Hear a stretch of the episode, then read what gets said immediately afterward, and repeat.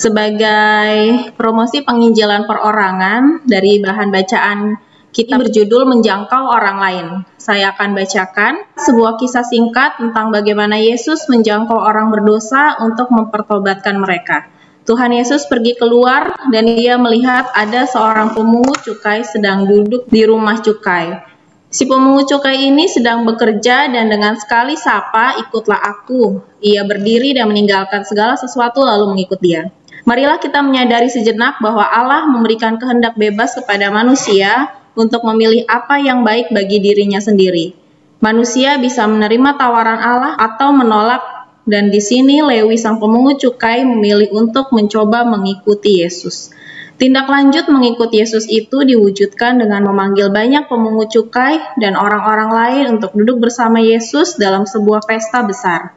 Ketika melihat bahwa ternyata Lewi merangkul juga sejumlah besar orang, jelaslah mengapa Yesus memilih dia untuk bertobat, karena dari dirinya sang Lewi mampu membawa orang lain kepada pengalaman akan Tuhan yang sama.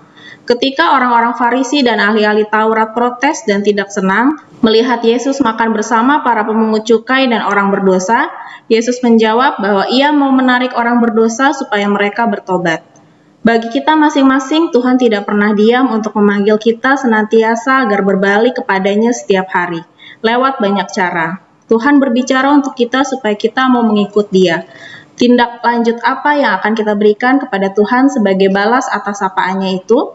Bila kita merasa bahwa kita mengalami berkat-berkat Tuhan dan merasakan juga rahmatnya yang mengagumkan dalam hidup kita, maka kita tidak boleh tinggal diam untuk menjangkau sesama lewat kesaksian hidup kita.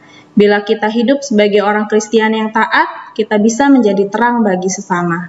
Biarkanlah orang-orang melihat para pengikut Kristus mampu tersenyum walaupun banyak masalah yang dihadapi, tekun berdoa dan bersekutu dalam komunitas rohani, dan senantiasa banyak memberi kepada sesama. Hari ini kita diingatkan kembali melalui promosi pelayanan perorangan kita bagaimana kita harus menjangkau orang lain. Pada saat Yesus tinggal di dunia ini, Tuhan Yesus memilih pemungut cukai untuk dapat menjangkau sesamanya kita ketahui bahwa pada masa Yesus hidup di dunia, pemungut cukai merupakan orang yang sangat berpengaruh dan pemungut cukai ini di satu sisi sangat dibenci dan di satu sisi mereka sangat dikagumi karena pengaruh mereka di masyarakat. Dan saya rasa pada saat sekarang pun pemungut cukai atau yang bisa dibilang pekerja pajak masih menjadi orang yang berpengaruh bagi sesamanya pada saat ini. Eh, lalu bagaimana dengan kita? Apakah kita juga dapat menjangkau orang lain seperti pemungut cukai yang dipilih oleh Yesus pada masa itu? Apakah kita harus menjadi orang besar yang berpengaruh baru kita dapat menjangkau orang lain?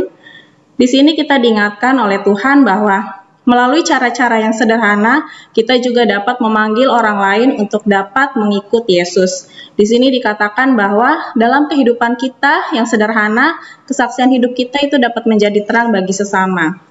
Di sini dikatakan bahwa ada hal-hal mudah dalam hidup kita yang bisa kita lakukan, seperti misalnya kita tekun berdoa dan bersekutu dalam komunitas rohani, lalu kita bisa senantiasa tersenyum, walaupun banyak masalah yang kita hadapi, atau kita juga dapat menjadi seorang yang murah hati dengan senantiasa mau memberi kepada sesama kita. Dan biarlah melalui perbuatan-perbuatan baik yang kita lakukan di kehidupan sehari-hari, kita dapat menjangkau orang lain dan melalui itu mereka juga memuliakan Bapa kita yang ada di surga. Tuhan memberkati.